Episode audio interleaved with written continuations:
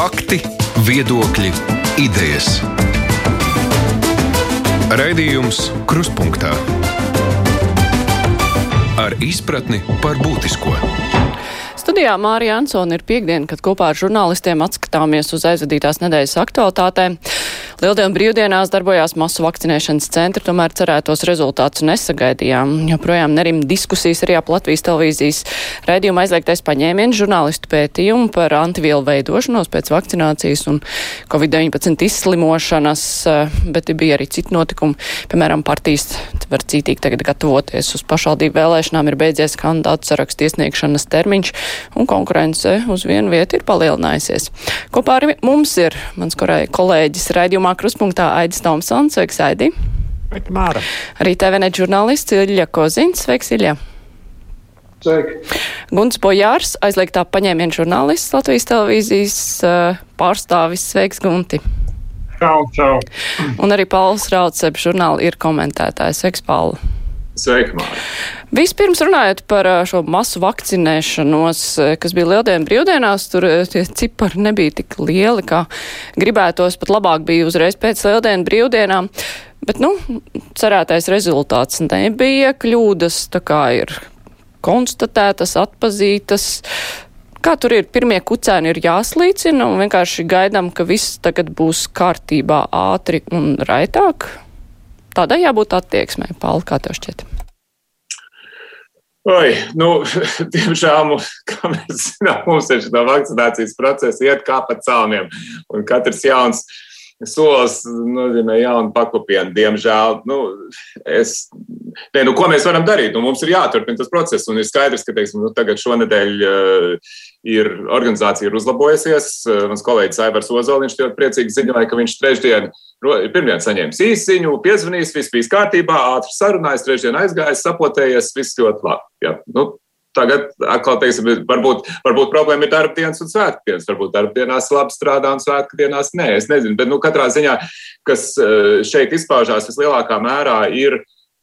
Uh, nu, Mēs esam birokrātiski tur, kur nevajag būt birokrātiskiem, un neesam birokrātiski tur, kur vajag būt birokrātiskiem. Mēs runāsim vēl par to lēmumu pieņemšanu par vakcīnu iepirkumu, bet, bet eh, nu, drusciņi modelējot situāciju, ja aizsūt cilvēkam īsiņu tieši pirms svētkiem, ka tagad varēs iet, bet tad ir vajadzīgi vēl ārsti nosūtījums. Nu, Ko tad viņi domāja? Nu, teiksim, nu, druskuļi vajadzētu padomāt šādā gadījumā, kas ir izmodelēt, kā tas būs. Jā, es saku, nu, tas, eh, tas birokrātiskums mums izpaužās bieži vien nevietā, un tas arī, protams, kavē visu. Un, eh, tas nav tas grābeklis, uz kura tiek visu laiku uzkāpts atkal un atkal un atkal. Nu, nu, ko es, nu, jā, nu, tā tas ir. Jā, nu, tiemžēl, nu, cerēsim, ka tas, situācija tiks uzlabots, process tiks. Uh, palaists vienmērīgāks un gala beigās virsīsimies uz priekšu. Mm -hmm. Pēc vakardienas diskusijas mums bija kruspunktā saruna par vakcinācijas procesu un visu to situāciju, kāda ir. Mani mazliet tā kā mulsināja tā. Man ir tāda sajūta, ka mazliet tie cilvēki, kas strādā ar, ar vakcinācijas birojā un um, veselības ministrijā, ka viņi tā kā ir atrauti no realitātes. Jo ir tāda sajūta, ka vai viņi nekomunicē vai nedzird. Man, piemēram, bija interesanti, vakar bija divi ģimenes ārsti raidījumā, un viņi. Man ir tāda sajūta, ka viņi viens otru pirmo reizi sadzirdējuši, vai vispār klausās viens uz otru.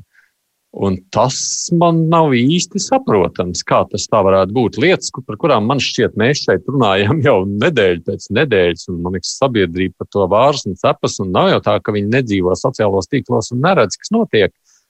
Un tā kā viņiem nu, tāda sajūta, ka viņiem pirmo reizi kaut ko dzird, vispār kaut ko tādu, tas ir tā mulsinoši. Gan par tiem ģimenes ārstu nosūtījumiem, Pauls sacītais.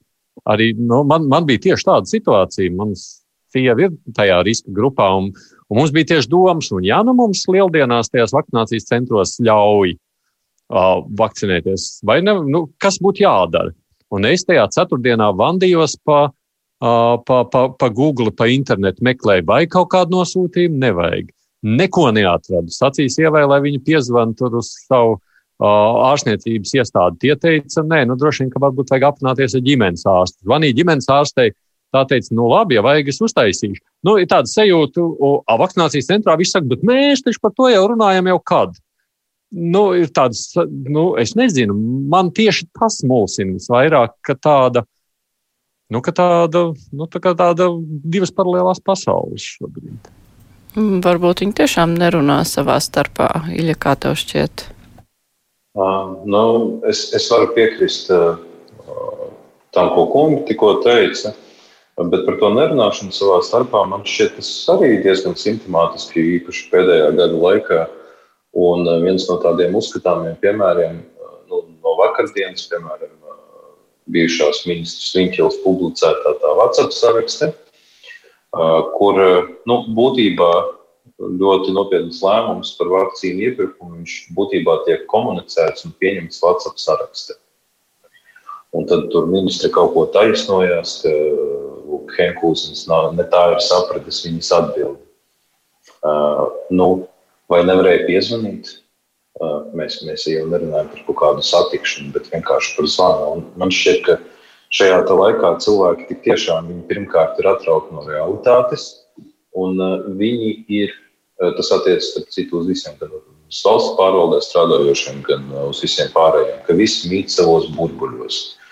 Un es, es nezinu, kas ir tie iemesli, kāpēc cilvēkiem vai nu nav vēlmes, vai nu nepietiek spēku izrauties no tiem burbuļiem, bet nu, tas tā diemžēl ir. Jā, un uh, tas Viņķels stāsts ir viens no tādiem uzskatāmiem piemēriem. Gunti, kādas tev radās pārdomas, to visu vērojot? Man nesen viens cilvēks teica par šādu Lielbritānijā, nu, kur tas vakcinācijas process ir raids un tā tālāk. Un viņš jautāja, kā tur tas, tas sanāca. Un kāds brīdis bija teicis ļoti vienkārši lietas. Mums ir divi X plāni. Viens X plāns terorisms, otrs X plāns pandēmija. Mums jau, kā saka, par to ir sarakstītas grāmatas, jau izpētīts. Un tad, kad rekuris sākusies pandēmija, mēs izvelkam grāmatu, mēs zinām, ko mēs darām katrā minūtē, kur, kur mums būs tādi vakcinācijas centri, kur būs šitādi. To sauc par tādu strateģisko plānošanu, un tas, ka, kā šobrīd notiek Latvijā, uh, Es teiktu, ka kaut kādā ziņā tas viss notiek uh, nu, loģiski, nu, lo, loģiski hausīgi. Nu, loģiski hauss ir tāpēc, ka mēs iepriekš neko nebijām izdomājuši. Un tajā brīdī, kad mēs sākam domāt, uh, savienojam prātu vētru, kā mēs varētu darīt ar rīcību, un tad mēs kaut ko izdomājam, tad mēs rīkojamies, tad mēs pārdomājam, ka tā tomēr nav labāk. Nu, uh, ka lēmumu pieņemšana un rīcība iet kopā ar prātošanu. Ja? Un tajā brīdī ir šie soļi. Viens solis uz atpakaļ, viens solis uz priekšu, tad pa sāns. Mēs, un, un, un, ar tām strateģiskām situācijām vienmēr ir tā, ka nu, nu, mums ir visādi citi X plāni, ja mums ir materiālās rezerves, un tad mēs sakām, kam mums to vajag, bet patiesībā tiešām tā, ka, ka m, to vajag. Un tā pagājušā gada vasara, kad kā nu, kaut kādā ziņā šie, šie riski sajūtās bija noplakuši, uh, nu, tur bija melna muti. Jāglābj jās, jāstrādā stratēģija, kāda būs vakcinācijas, vakcinācija. Jo skaidrs, ka šis 21. gads būs vakcinācijas gads, par to zināja jau sen. Ja?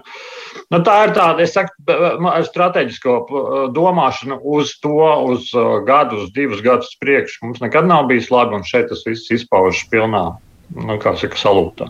Nu, droši vien nu, tāpēc te, arī nu, bija tāds jā. sašutums par vārdu eksperiments, kas tur parādījās vēl cits starpā, ka tā vietā, lai būtu plāns saulēcīgi izstrādāts, notiek eksperiments. Nu, kaut kādā mērā tas būs eksperiments, jo es jau paredzu, vismaz pēc vakardienas, pilnīgi skaidri iezīmējās, kur būs nākošais hauss. Bet attiecībā uz iepriekšējām brīvdienām, nu, kā tās ir sekas mūsu e-veselības nēsamībai. Tur jau viss tā problēma tajā brīdī, kad ne, tu nevari pierādīt, ka tu esi uh, kroniski slims vai tev vispār ir kāda slimība. Un, ja tu gribi likt prioritārās grupas cilvēkiem ar kroniskām slimībām, nu, tur automātiski gribi vai negribi rodas problēmas. Mums jau tur vakar par, nu, nav jau tikai tā, ka tu vienkārši esi, pieņemsim, kroniski slims. Nākošais stāsts, ko mēs vakar redzējām, tā tad mamma kopja kroniski slimu bērnu.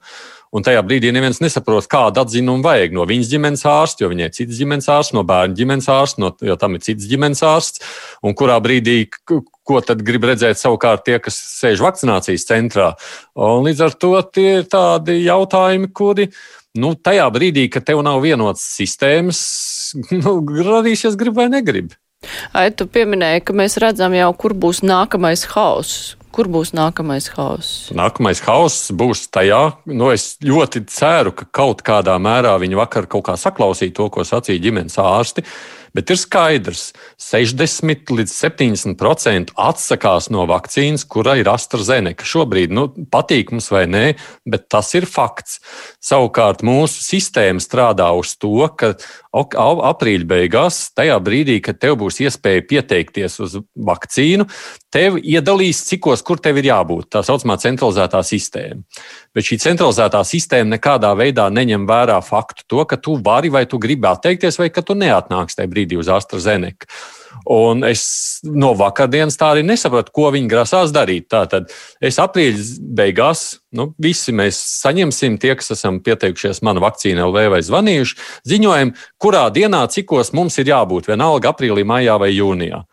Bet uh, ir skaidrs, ka šobrīd liela nu, puse negrasās doties uz tām vakcīnām tādā brīdī. Un, kas notiek tajā mirklī, ja vakcinācijas centros, ka tur puse neatnāk? To es vakar nesapratu, kā viņi vispār grasās ar to rēķināties. Nu, viņi tā kā paļaujas, ka tad tu piezvanīsi un sacīsi, nē, es nenākšu. Vispirms, viena lielākā daļa to negrasās darīt. Uh, Otrakārt, jautājums, kā risināt šo atteikšanos no vakcīnām, vispār šobrīd neparādās. Nu, tas, kas vakar, ko ģimenes ārsti abi faktiski uzstāja. Viņa teica, ir jātaisa līdz tam brīdim skaidra rinda dzīvā vaļā, ka tie, kas grib, jebkurš bez jebkādas prioritārās kārtības iet dzīvē rindā uz AstraZeneca vakcīnām. Tie, kas no tām atsakās, nu, tie tad lai gaida, kad pienāk viņa prioritārā kārta. Tāda bija ģimenes ārsts sacītais. Vai tas tā notiks, to es, protams, nezinu.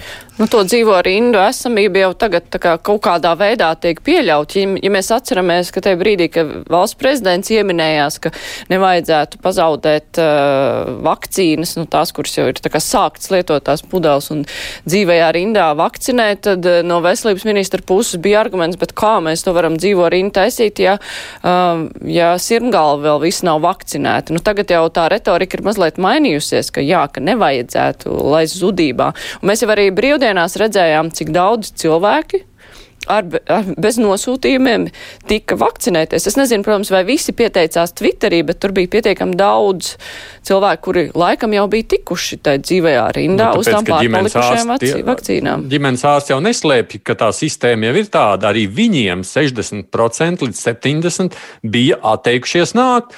Nu, tas, ko dara ģimenes ārsts tajā brīdī, viņš zvana visiem pēc kārtas, saka, vai jūs tuvāko divu stundu laikā varat atbraukt. Ar mani sievu tieši tā arī bija. Viņai piezīmē prasīja, vai viņa var aizskriet uz Rīgu tuvāko divu stundu laikā viņa arī skrēja.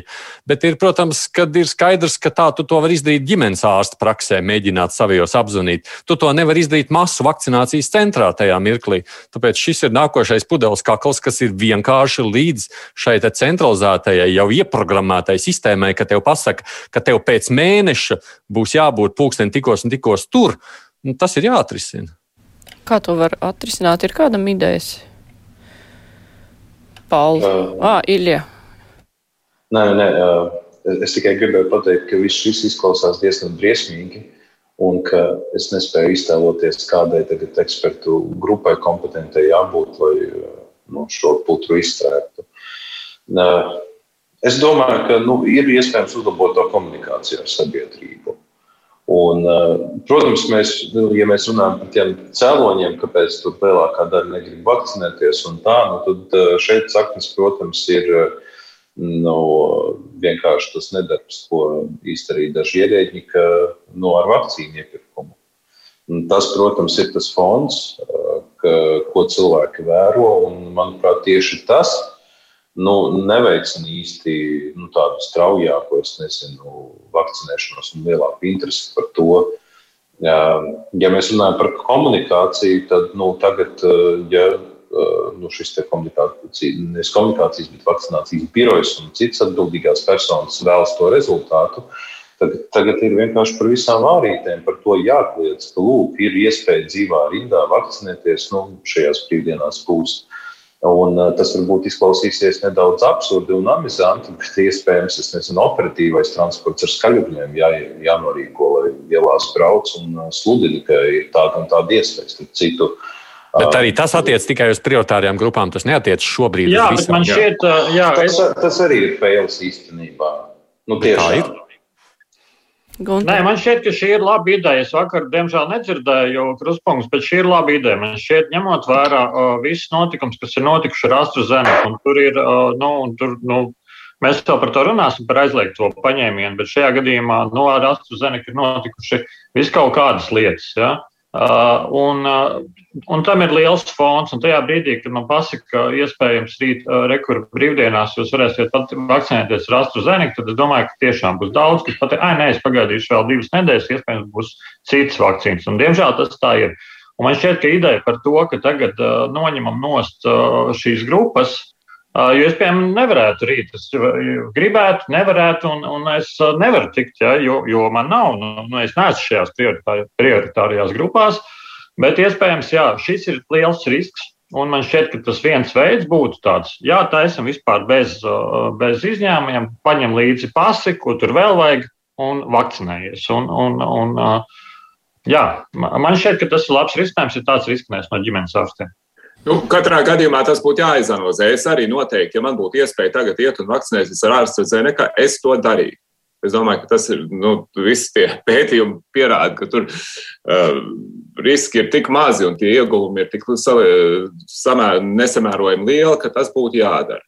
Uh, bet atkal, teiksim, nu labi, mēs te atkal sanākām tādā, kā mēs tagad esam, mīlam teikt, ad hoc grupā un kaut ko tā kā spriežam pēc savas izpratnes. Mēs esam no kāda kaut ko dzirdējuši, kādu kaut ko pasakam un tā tālāk. Varbūt, ka tā ir pareizā atbilde, varbūt, ka tā nav. Bet es pirms pāris mēnešiem izlasīju, bija ļoti labs bijušā ASV prezidenta Obamas raksts, kur viņš teica, ja ir slikta procedūra būs slikts rezultāts. Un šo mēs redzam no sākuma līdz galam visās šajās lietās, ka ir ļoti slikta procedūra, kad visu laiku sanāk kaut kāda cilvēka grupas, viņi kaut ko ir dzirdējuši, kaut ko tur parunā, kaut ko tur tā pasaka, o, tad daram tā. Un aiziet. Un tad izrādās, ka tas viss ir šķērsām. Un tad atkal no kaut ko padzird, kaut ko tur tā salēmi, un atkal aiziet. Un atkal ir šķērsām. Ja? Teiksim, tas ir, nu, atkal mēs visu laiku jaucam kopā šo vakcinācijas procesu ar to vakcīnu iepirkumu. Bet es sāktu ar to, ka Igaunijā un Lietuvā valdības pieņēma lēmumu par vakcīnu iepirkumu. Un tajā brīdī, kad Latvijas valdība eh, nevīžības vai neuzmanības vai vienkārši nevēlēšanās uzņemties atbildību par šo procesu atstāja to veselības ministrijā pašplūsmā, ar to arī mums viss sākās. Jo tur tad, nu, tad mēs lasām tos ziņojumus, kur neviens neko nesaprot, ka notiek kaut kāda nesaprotama komunikācija WhatsApp. Ja? ja tas būtu nācis uz ministru kabinetu un būtu bijis jāpamato ministru kabinetā, un tas tur viss lēmumi tiktu pieņemti, tad arī tas pārējais process, es domāju, būtu krietni labāk sakārtojies. Tas nenotika. Tas nenotika. Un, uh, un es saku, teiksim, tas nav nekas neiedomājams, jo Igaunijā un Lietuvā tieši tā bija. Valdības pieņem šos lēmumus, valdības noteica šo virzienu, valdības pateica, cik ir jāpērk un par ko, un, un kas, ir tas, kas ir tā kopējā stratēģija. Un mēs redzam, ka šī tā, ad hoc tā, tā lemšana vienkārši mums turpinās un ripinās uz priekšu, un tā mums notiek viss šī tā, tā, tā, tas haoss. Bet, respektīvi, tu domā, ka tā lēmuma pieņemšanai, nu kā mums jau arī tagad, kā tā lēmuma pieņemšana noteikti sanāk eksperti, tā kā savā lokā runā, runā, runā, un pēc tam iet uz valdības sēdi. Tad kā tam būtu jānotiek citādi? Ne, nu, valdībai ir jāprasa, jāprasa, pirmkārt, valdībai ir jāsaka, ka ir, šis piemēram, nu, par to pašu vakcīnu iepirkumu. Nu, tas jau ir aizgājis vilciens, ne par to vairs ir runa, bet par vakcīnu iepirkumu viņi ir pateicis. Valdība pieņems lēmumu par šo jautājumu, cik mēs pērkam un, un uz kāda pamata. Un tad būtu jānāk ekspertiem un jāpamato. Mēs domājam, ka jāpērk tik un tik un tik, tāpēc un tāpēc. Un tad valdība par to nolēma. Ja, tā tam bija jānotiek. Tā tam bija jānotiek. Un, un, un Guntim ir pilnīgi taisnība, ka par to bija jāsāk domāt nevis Decembrī, kad uh, premjerministrs Kariņš uh, kādā valdības sēdē uzdod jautājumu, es vispār nesaprotu, kas pieņem šos lēmumus, ka viņi decembrī to jautājumu uzdod, bet viņam vajadzēja jau jūnijā pieņemt šo lēmumu, kā tam ir jānotiek. Es saku, slikts process noved pie slikta rezultāta. Tas ir neizbēgami Un mēs šeit esam sasēdušies kā tādas gluži kasandras no sengrieķu mītiem, lai kaut ko runā un neviens netic. Jo es atceros, piemēram, ka pagājušo vasaru mēs tieši šajā studijā, nu, varbūt bišķi citādā sastāvā sēdējām, un tur jau bija bažas par to, nav plānu, nav stratēģijas. Un tad um, katrs atsevišķi savās intervijās rakstos to tēmu cēlām, nu, kur ir plāns, kur ir plāns. Un tad visu laiku bija kaut kādi eh, nenopietni solījumi, ka nu tiks strādāts un izstrādāts. Nu, jā, bet es, jā, Ilja, bet es te, jā, bet es te atzīmētu vienu, ko, kas iespējams vēl izskanēs vai kas, bet uh, tas, kas man vienmēr šajā laikā, visā pandēmijas laikā, ir kaut kādā ziņā tāda mana žurnālistiskā sajūta. Ir, uh, jā, un es runāju šajā gadījumā par veselības ministriju, kā, kā iestādi ar, ar ministriem bijušiem, esošiem. Uh, tur ir kaut kāda iekšēja tāda arogance pret, pret manuprāt, iespējams pret žurnālistiem, iespējams pret lielāku sabiedrību. Jo tajā brīdī, tad, kad mēs esam kaut ko prasījuši, un tiešām ne mēs vienīgi, nu, nees, ne, nu, šeit ir ne Latvijas televīzija kā vienīgie, bet nu, daudz žurnālisti. Kad būs vakcinācijas plāns? Uh, Kad būs kaut kādas vadlīnijas, mēs esam prasījuši. Tagad mēs, piemēram, veselības ministrijai prasām, kad būs stratēģija, stratēģija attiecībā uz, nu, uz pēc Covid uh, pacientiem, jo tādu arī mums tagad uh, vairojas. Ja? Un tajā brīdī tāda tā, tā mazliet apvainojas uz mums par to, ka mēs te kaut ko prasām, ka mēs tev kaut ko gribam, un jūs tur bišķi kaut ko nesajādzat. Ja? Un, no, un sēžat, sēdēt pie ratiem, mums viss būs. Uh, Un tagad nu, ar to viss būs, nu, re, kur mums te, tas sanāk ar šiem plāniem. Ja? Tā kā es teiktu, ka tas ir, nu, tā komunikācija ir kaut kur tur tajā, es nezinu, kur veselības ministrijas iekšpusē, kas tur notiek, kāpēc tu nevari, nu, kā saka, sad, nu, kaut kādā ziņā, kaut kādā mērā sadarboties ar, nu, saprast, ko tad, nu, žurnāls nav slikti. Un, un tieši šis arī izpārs, ja izlasās dienas ziņojums, saka par to iepirkumu. Uh, man visva, tieši par šo nevēlēšanos savus lēmumus kaut kādā veidā skaidrot un arī teiksim, pieņemt attiecīgā līmenī. Tajā mm, bēdīgi slavenajā novembra beigās, kad pieņēma lēmumu neiepirkt visas pieejamās Pfizer vakcīnas, divi ierēģi aizgāja pie, pie Viņķels un prasīja, bet vai nevajadzētu to skatīt valdībā? Viņi teica, nē, nē, nē, to vēl lēmīja eksperti, un pat nemaz tajā lēmumā neiesaistījās. Jā, jā bet, Viņķele, bet Viņķele atceramies tajā pašā laikā, tajā brīdī es atceros, kad mēs prasījām, mēs ieraudzījām datus, ko, ko ir pasūtījusi Igaunija un Lietuva. Mums bija viens raidījums, bija viens no pirmajiem par vakcinēšanos, un mēs redzējām jau šos datus, mēs gājām, uh, un ne tikai mēs, pie Viņķeles. Ko Viņķele atbildēja? Nē, viss tur ir pareizi. Mums tā, nu, ko jūs tur izdomājat? Un pati ministrs līmenī, uh, nu, kaut kādā ziņā aizstāvot, iespējams, savu to uh, gan ierēdniecību, kas ir normāli ministram, Bet nu, tur jau bija tās atbildes. Jūs ne tā, ne, neko jūs nesaprotat. Mēs iepirkām tik, cik varējām. Tikai pēc tam atklājās, ka varējām vairāk. Nu, jā, un, bet, bet to, to es arī gribu teikt, ka vispār negribēju arī šo lēmumu skaidrot pat valdības līmenī. Vienkārši to kaut kādā savā tur, uh, zupā tur vārījās, un, un nu, nu, te mēs esam. Mēs visi tos rebjam tagad ārā. Un otra lieta, ja mēs pieskārāmies, nezinu, vai mēs atsevišķināsim šim jautājumam par, tiem, par to vakcīnu iepirkumu. Uh, Lasot kaut vai šodienas, nu, vakar to tur sarakstu Viņķele, Enkuzēns un, un uh, vārdu sūri, man radās jautājums, kāpēc to visu vajadzēja izmeklēt četrus mēnešus. Man tiešām godavārds radās jautājums, kāpēc tas nav nedēļas jautājums. Nu, arī tas kaut kādā ziņā rada to sabiedrības priekšstatu, kur uh, uztaisīja uh, Rebaltika pētījumu. Tur bija mēs visi gaidām, nu, kas tad būs tajā dienas ziņojumā. Un tas ir kā tāds garā diena kaut kādā aprīļa, aprīļa vidū tagad iznāk. Es teiktu, tur bija tāds nedēļas, maksimums divu nedēļu jautājums, un šito mēs sodam, to mēs sodam, un patiesībā tas arī radītu sabiedrībai lielāku uzticamību tai ierēdniecībai un, un politi, politiķiem, ka jā, kļūdījāmies, pieņemam lēmumu. Bet nē, nu tagad, nu, tagad pagājuši četri mēneši, beidzot ir atšifrēts viņķels īziņas, piedodiet. Bet šis dienesta ziņojums un arī nu, lēmumu par to nu, valsts sekretāra pazemina amatā un disciplināra lieta pret Henkūzenu, nu, tas tā kā rada padarīt darba sajūtu, nu, ka, nu, tad problēma ir atrisināta vai tur prasās pēc vēl kaut kā?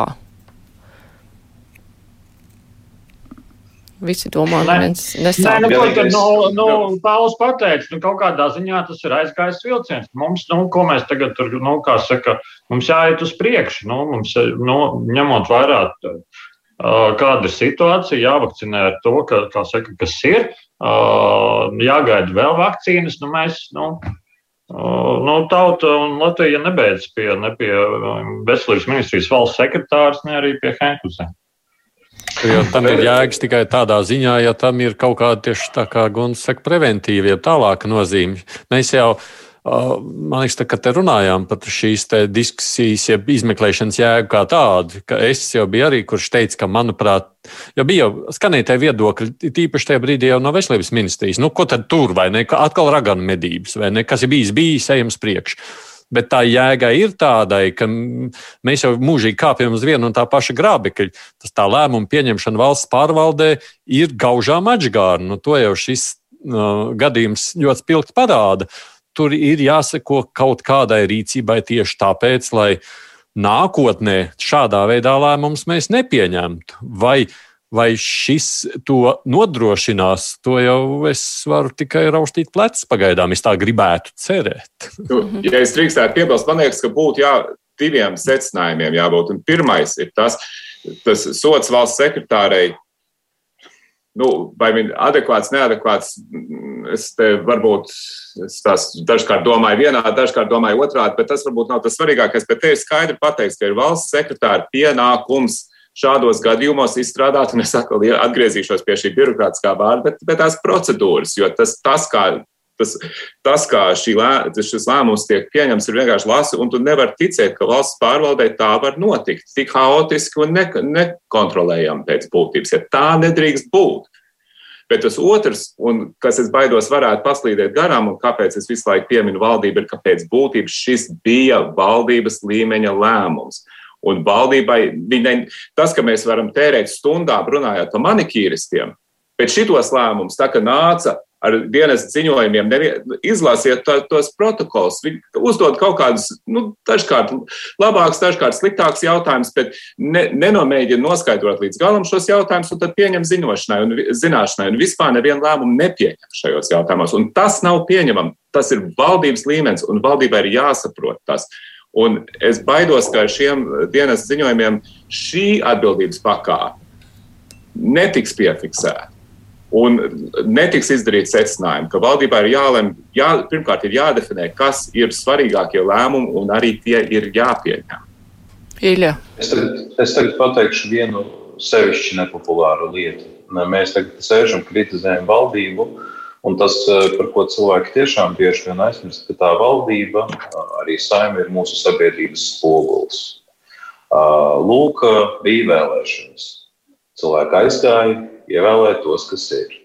Pēc tam nu, tur mēģināja sastādīt baigi ilgi to valdību, un beig, beigās sanāca tāds krāsains deķītis no vis visādām partijām. Un tad cilvēki brīnās, Kāpēc tā lēmuma pieņemšana ir tāda atšķirīga un haotiska?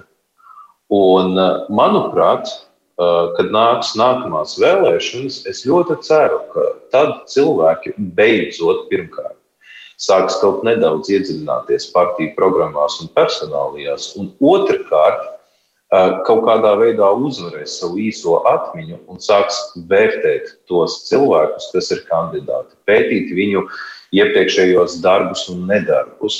Tikai tādā veidā būs iespējams nu, dabūt tādus adekvātus un plēnspējīgus pārstāvjus nekā tas ir nu, tagad. Jo pienāk vēlēšanas, eh, tad eh, ir visas tās priekšvēlēšana kampaņas, cilvēki uzstājās ar skaļiem lozungiem, citi cilvēki uz to pavelkas un notic, ej un iebalso, neiedziļinoties tajā, kas ir tie cilvēki. Kā, nu, es domāju, tas ir ļoti sūrs secinājums mums visiem, kā sabiedrībai. Var bezgalīgi kritizēt valdību, un es tam pievienojos. Es ar to nestrīdos. Es uzskatu, ka šī kritika ir absolūti pamatota. Bet vienlaikus ar to nu, tiešām būtu nopietnāk jādomā, ko mēs izvēlamies kā savus pārstāvjus. Ja, bet es šajā reizē personiski nespēju savilkt ne tādu ļoti būtisku to uh, konkrēto līdzatkarību starp manu balsojumu saimā un to, kas notika šobrīd ar šī vakcīnu iepirkšanu. Es personiski drīzāk no tā izvelku uh, Nu, jā, tāda gandrīz vai ir cilvēciska jautājuma. Man liekas, brīdī, kad ja es būtu veselības ministrijas ierēdnis un no mana lēmuma būtu atkarīgs no tā, iepirkt dārgas vakcīnas, kuras varētu būt grūti, pieņemsim, tur transportēt, no kā tur bija bail vai ne, uzglabāt, cik tur pār pa 70 mīnus grādiem. Un, ja nu mums ir lētāks pieejams un no manis prasīs atbildību par līdzekļu izšķērdēšanu, es tādu argumentāciju minu, ko es saprotu, kas tur parādās. Un no otras puses, nu, bažas par to, ka, pieņemsim, pienāks brīdis, mēs varam palikt vispār bez vakcīnām, kāds notika tagad. Tad es kā ierādnis teiktu, nu, neuzlieciet man to atbildību pateikt, kā ir pareizi. Es deleģēju šo te, nu, tas ir, kā saka Pauls, valdības līmenī. Nu, nu nelieciet man pateikt, kā, kurš, kurš būs rezultāts pareizais. Izlemiet to visaugstākajā līmenī. Es patiesībā ārkārtīgi brīnos. Tieši otrādi, ka saka, oi, oi, tas jau ir eksperta līmenis, mēs tur neiesaistīsimies, ne? Tur, tu, nu, e, e, es, piemēram, liktos tā ir vismuļķīgākā atbilde, kāda var būt. Jo tu šādus ļoti nopietnu lēmumu pieņemšanā iesaist pēc iespējas plašāku loku, jo tev pašam ir drošāk un pareizāks tas lēmums. Ja nu, vismaz kaut cik garantētāk, ka varētu pieņemt labāku lēmumu. Un tad, ja patiešām mēs esam kļūdījušies, nu, tad visi esam kļūdījušies vienādi. Nu, un tad, piedod, dalīt atbildību arī ir pusatbildība. Šajā brīdī ir sanācis vienkārši, nu, man pat no tāda cilvēciskā viedokļa liekas, nu, tik atžgārni, cik atžgārni nu var būt. Mm. Nu, jā, un, un tas, kas man, man savukārt ir piebilstams, ka, nu, uh, Viss jau nesākās ne decembrī. Ja? Un, ja mēs uh, runājam par pagājušo gadu, to var saukt par savā ziņā par tādu vakcīnu skrējienu, ka tie zinātnieki uh, strādāja un strādāja. Un uh, pasaule, Eiropa, Latvija sekoja līdzi, kad kādas vakcīnas būs. Skaidri apzinoties, ka būs nu, cīņa, nevis tikai ražotāju starpā, būs cīņa, kurš pirmais aiz, uh, uh, kura pirmā vakcīna apstiprinās kāds regulators. Uh, bet arī par to, ka būs baigais vakcīnu deficīts. Rekur, ko izdarīja Izraela, jau uzlika ķepu kaut kādai partijai, piesolot pat, man, man, manuprāt, vairāk naudas. Ja? Nu, tie visi bija jāsaprot, un tas bija tas lielais konteksts, ko, ko, ko, ko Latvija nevarēja neredzēt. Un tad vēl tur kasīties, tur lētāk, dārgāk. Nē, tur tiešām bija jāgrāb visu, kur kaut kādā brīdī stūrītis parādījās, šita vēl būs vakcīnas grābjama. Jo tas bija tas lielais konteksts. Ja?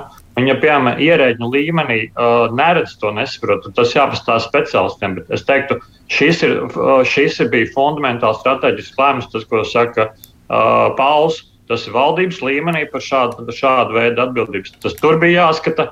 Un uh, Kariņš jau vienā brīdī pabrīnījās, ah, kā es nezināju, ja šitie jau lēmumi valdībā bija jāskata. Ja? Un, uh, un, uh, un līdz ar to man šķiet, ka tur jā, Uh, nu, un tas, ko tu saki, Gunte, tas jau faktiski tādā politiskā līmenī, tad, kad nāca pie mums vai nu veselības ministra Viņķela vai nāca premjeras, viņi jau to sacīja. Viņi to sacīja gan vasarā, gan rudenī, ka mums ir uzstādījums visu, ko varam dabūt, to ņemam. Nu, vismaz tā es atceros no tām rudens intervijām.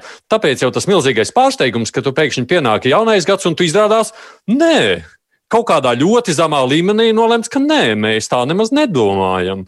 Nu, jau tas brīnums. Jā, es atgādināšu Latvijas radio klausītājiem un televīzijas skatītājiem, ka šodien kopā ar mums ir Iļa Kozins no portāla TVNet, Pauls Rauceps no žurnāla ir Guns Bojārs no Latvijas televīzijas un mans kolēģis Aidis Tomsons redzīmā kruspunktā. Raidījums Krustpunktā. Mazliet vēl turpinot uh, vakcīnu sāgu, aizliegtais paņēmiens un uh, pētījums par uh, par antivielu veidošanos pēc uh, vakcinācijas un Covid-19 izslimošanas. Tur bija ļoti dažādi viedokļi, vai žurnālistiem to vajadzēja vai nevajadzēja darīt. Valsts institūcijas uh, uzbruka raidījumam par to, ka tā nedrīkstēja. Arī kaut kāda netieša pārmetuma izskanēja, nu re, kā jūs te tā vēl sabojājāt labo lietu. Un kāda pašam ir tev sajūta pēc tā, kas viss, nu, pēc tās uh, reakcijas, kas nāca pēc raidījuma. Jā. uh, es teiktu, ka šajā lietā, jā, manā kaut kādā tādā žurnālistiskā pieredzē šis ir tāds pirmais, nu, ne pirmā reize, kad man kaut ko pārmet, bet nu, tāda, nu, kaut kādā ziņā lieluma ziņā tāds liels. Es, Un tas, ko viens es esmu sapratis par to, ka tajā visā arī ir ļoti daudz emocijas, un viss, kas attiecas uz vakcīnām, mēs šobrīd emocionalizējam, un, un ir ļoti polāras tās situācijas, un tas ir kaut kādā ziņā tāds ir izveidojies. Tas, ko es gribēju, un es arī, protams, kaut kādā ziņā domājot par šo visu un redzot to reakciju, sāku domāt par to, ko tad es pareizi, ko tad nepareizi. Un, un, un manas tās atslēgas, un vienalga tās ir manas atslēgas, ir tādas, ka, manuprāt, mēs drīkstējām šādus testus veikt. Jā, nezinātniski tajā pašā laikā tie nebija nekādu kaktu testi, tie bija glubi laboratorijas testi. Mēs centāmies nu, kaut kādā ziņā pēc, vienas, pēc vieniem parametriem. Jā, mums ir pārmest, ka tur tā zinātniskās, nu, tas nav tiešām zinātniskās atlases, ka mums tā pārstāvniecība bija kaut kopā 30 cilvēki. Ka mēs neuztaisījām tūkstošu pētījumu. Mums var pārmest, ka, piemēram, jā, antivielas vēl neko vispār nenozīmē. Taisnība, ka antivielas, nu, tikai antivielas viss neko nenozīmē. Tā pašā laikā šobrīd puspasauli pēta antivielas, antivielas mēra, rekur Latvijas sabiedrība gulbi laboratorijās. Puszinātnieki, zinātnieki, un starp citu, antivielas ir pieminēts arī par to, ka zaļajā certifikātā, ja tu būs, nu, piemēram, tu esi izslimojis, tad tu nebūsi vakcinēts, bet caur antivielām tu varēsi pierādīt, uh, ka, uh, nu, ka tu esi uh, nu, šajā gadījumā uh, izslimojis un ka tu esi nu, kādā ziņā drošs pārējai sabiedrībai vai vismaz sev. Tā kā nu, tur ir bieži daudz. Un man, man, man tā sajūta, Uh, ka jā, par to, ka te, te tās lietas, ko drīkst darīt žurnāls, ir bijušas. Un tā pašā laikā man ir pietiekami jautājums, vai es tagad tādu drīkst pētīt vai nedrīkst pētīt. Man ir interesi pēc, piemēram, šobrīd esmu vērsies pats personīgi arī mēdīju etikas padomē par to, nu, ja šitā es nedrīkst pētīt, kā vispār es drīkstu, ko, ko žurnāls. Jo žurnāls ir tiesības izmantot dažādas faktus, runāt par tiem faktiem, rādīt faktiem. Uh, rādīt faktus, neslēpt faktus, jo šajā gadījumā ir jautājums, vai tie fakti bija precīzi. Jā, tie fakti bija precīzi. Ja? Jo savukārt runājot par to pašu, nu, kaut kādā ziņā valsts pārvaldes reakciju.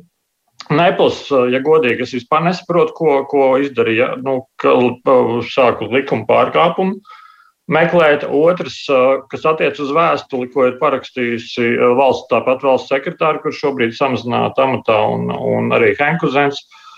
Uh, Tad pirmais, ko es redzu, nu, ir aicinājums atsaukt visu raidījumu. Es atkal redzu, nu, ja mēs runājam par kaut kādu raidījumu atsaukšanu vai, vai kaut kā atsaukšanu, vai pārmetumu, par ko mēs esam maldinājuši.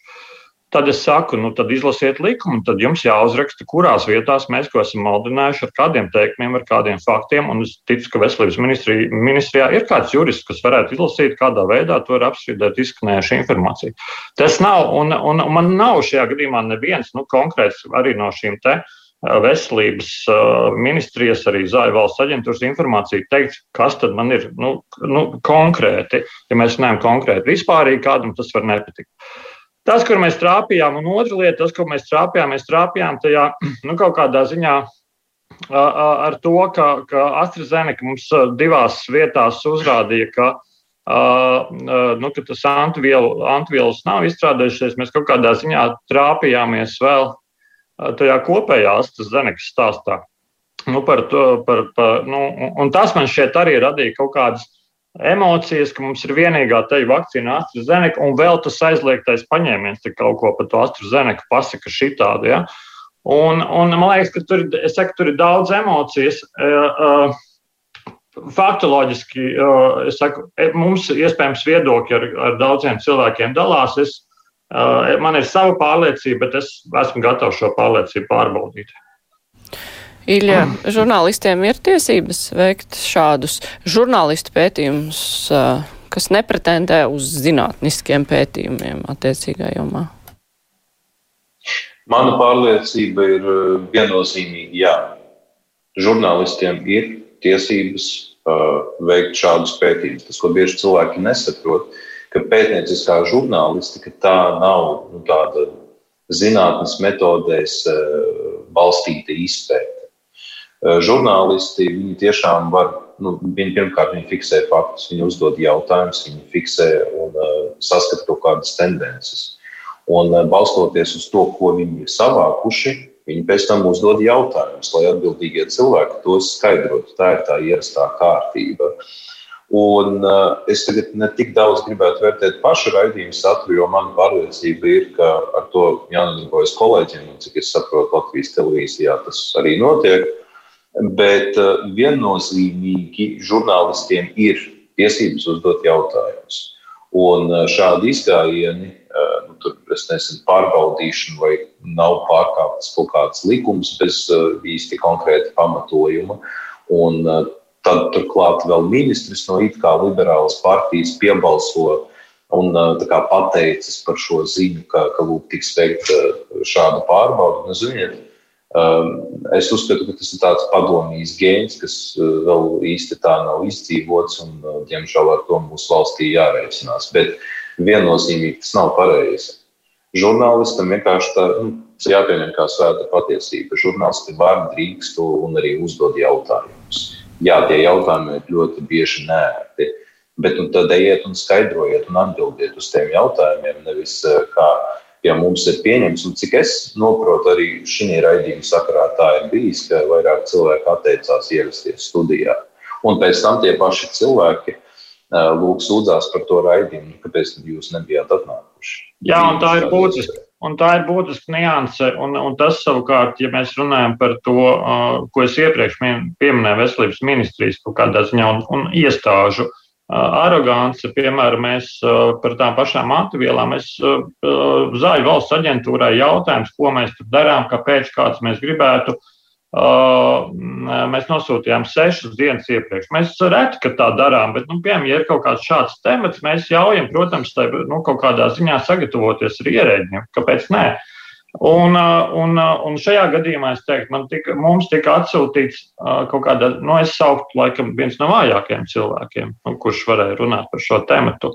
Un, un tas man arī rada bažīgi, ka, jā, un nākamajā dienā tad ir uzreiz nu, šāda, šāda reakcija. Es teiktu, no tā, ko mēs tur secinājām, labākā reakcija bija tāda, jā, mēs šito sapratām, mēs to varam izskaidrot tūlīt un pēc tam un ielikt vēl mājaslapā informāciju un, un viss mierīgi. Un, cit, ja mēs runājam par, tiem, par to kaut kādā ziņā arī par to AstraZeneca, tur jau bija arī labā ziņa. Tur jau, nu, ja mēs runājam par to, tur jau lielākoties uzrādīja, ka antivielas ir. Tas nozīmē, ka imunā reakcija ir. Nu, tad, nu, kur problēma? Tā kā es saku, es, es saprotu, ka tur ir daudz šo, šo te zinātnisko, nu, kā saka, tādu nu, jautājumu, nu, jā, pētījums, uzreiz reku, jūs sakāt, nu, pētījums. Un tāpēc, nu, ja pētījums, tad tāds zinātniskais, tur ir izlases grupas, tur ir tādi noteikumi. Jā, un es saku, nē, žurnāls spēlē pēc citiem noteikumiem. Mēs varam lietot jebkādus precīzus faktus. Un šajā gadījumā tie bija fakti. Un, ja mēs runājam par zinātni, kas man arī domājot par šo visu jautājumu radās, un, un arī atbildot kaut kādā ziņā uz veselības ministrijas pārmetumiem, man radās jautājums, Mēs zinām, ka AstraZenekas vakcīna vienu brīdi Latvijā tika apturēta. Tika apturēta, balstīts uz šiem te ziemeļu valstīs, tur bija vairāk ziņojumi par trombu ēdošanos. Un tad man radās tāds iekšējs jautājums, vai šī rīcība, ja mēs gribam visu balstīt zinātnē, bija zinātniski pamatot. Jo patiesībā Eiropas zāļu aģentūra bija pateikusi, pārbaudot visus AstraZenekas pētījumus, par to, ka zināt, zinātniskos pētījums bija pateikusi, šī vakcīna ir ģenerāli droša.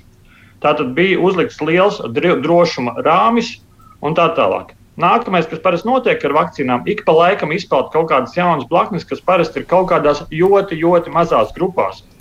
Kas notika arī ar, ar trombiem, ko šobrīd ir Eiropas zāļu aģentūra pateikusi. Bet Ziemeļvalstīs bija daži, daži ziņojumi par to, ka iespējams saistība ar trombiem, Kas notika?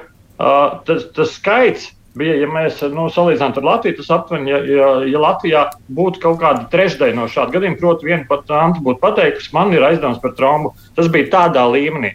Un tajā brīdī Latvija apturēja AstraZenekas vakcināciju. Nu jā, nu, nu jā, doma ir skaidra, ka tas arī, ka tas lēmums Kāpēc arī netika tā pamatots. Zinātnē mm. vajadzēja vērsties un teikt, nē, šī vakcīna jā. ir ģenerāli mm. droša.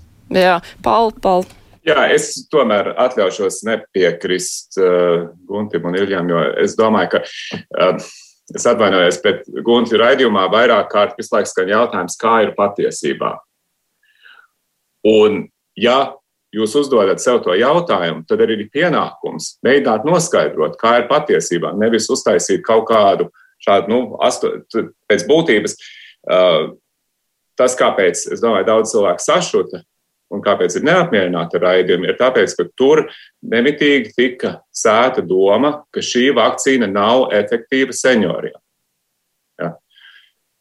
Tas pārbaudas grupa bija astoņi cilvēki. Tas tika pieteikts, ka mēs esam pirmie, kas šos datus ir savākuši. Gulbi laboratorija pat nav to izdarījusi, bet mēs esam pirmie tādā veidā, nepārprotam, radot rāmu, ka šis ir tāds kā pētījums.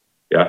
Tad, kad uzstājas, un es piekrītu, valsts, pār, valsts pārvaldes pārstāvi bija vāji.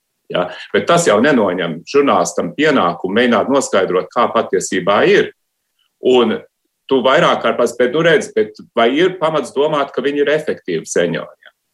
Un tajā laikā, kad tas raidījums parādījās ēterā 24. martā, mēs zinām, ka jau trīs nedēļas iepriekš tas raidījumā netika pieminēts. Ka Vācija, kura bija uz laiku apturējusi senioriem vakcināciju ar AstraZeneca, bija to atkal atjaunojusi.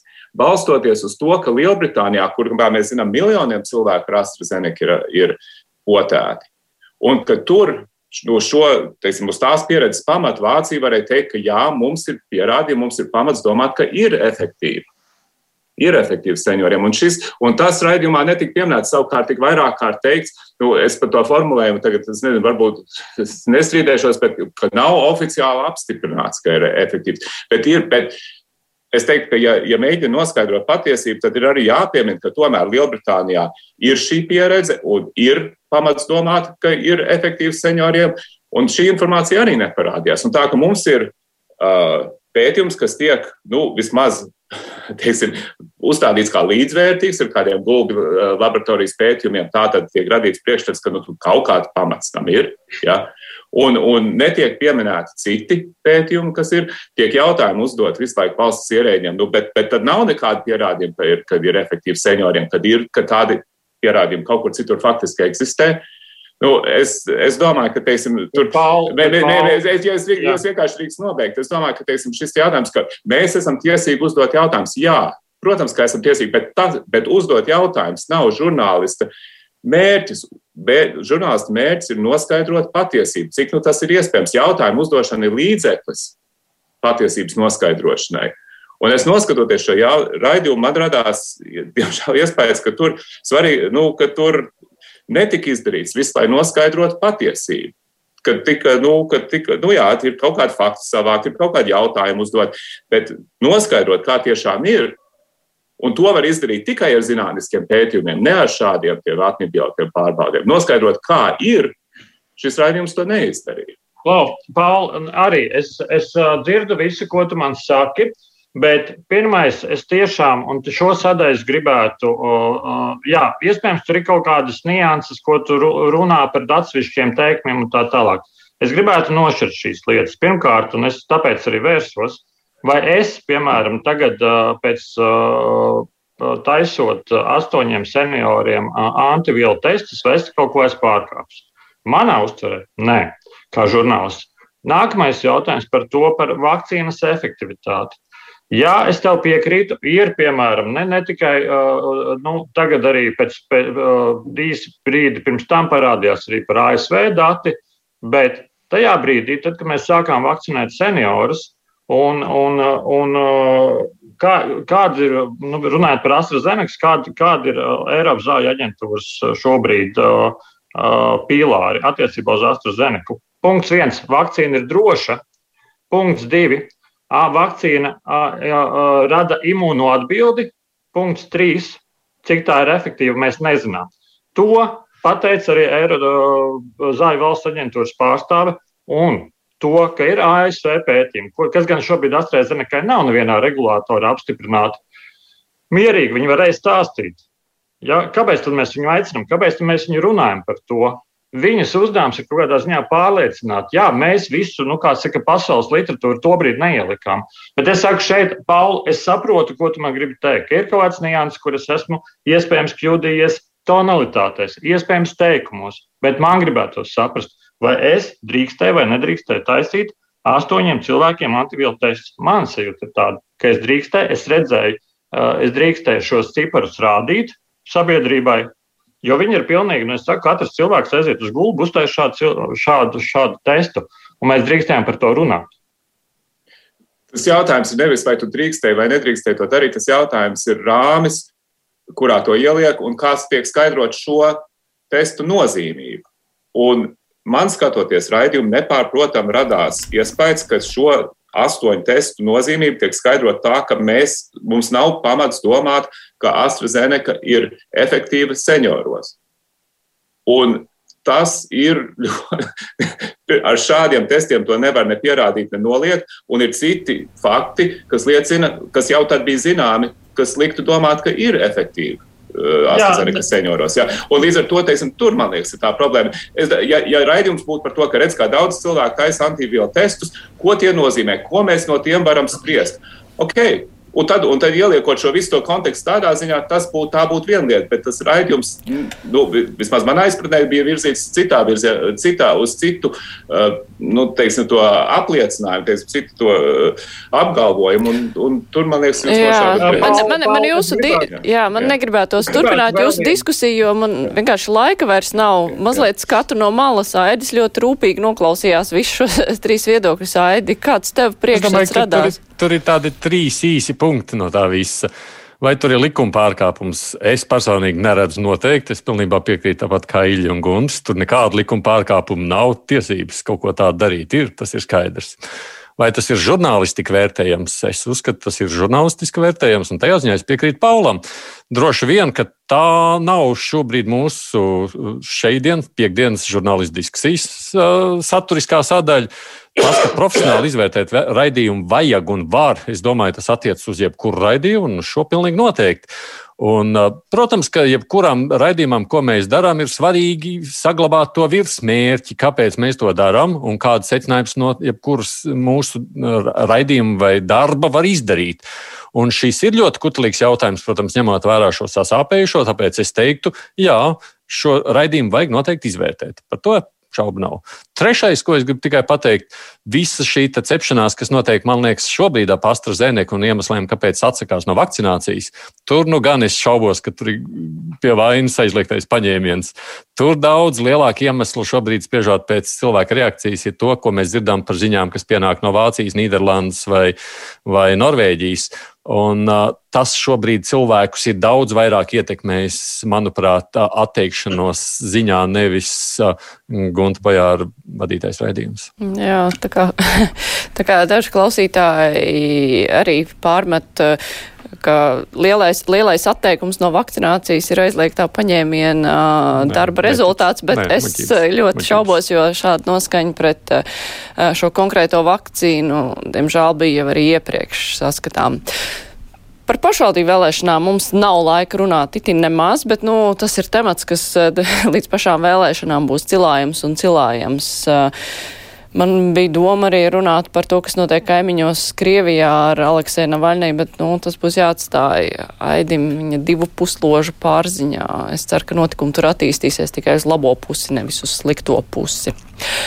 Pirmdien raidījumā mēs runāsim, man būs lielā intervija ar zemnieku saimniecības kotiņu īpašnieku Aldi Ločmelī. Viņš ir Latgals puses zemnieks, tā kā mums ir iespēja sazināties ar Latgal šajā pandēmijas laikā.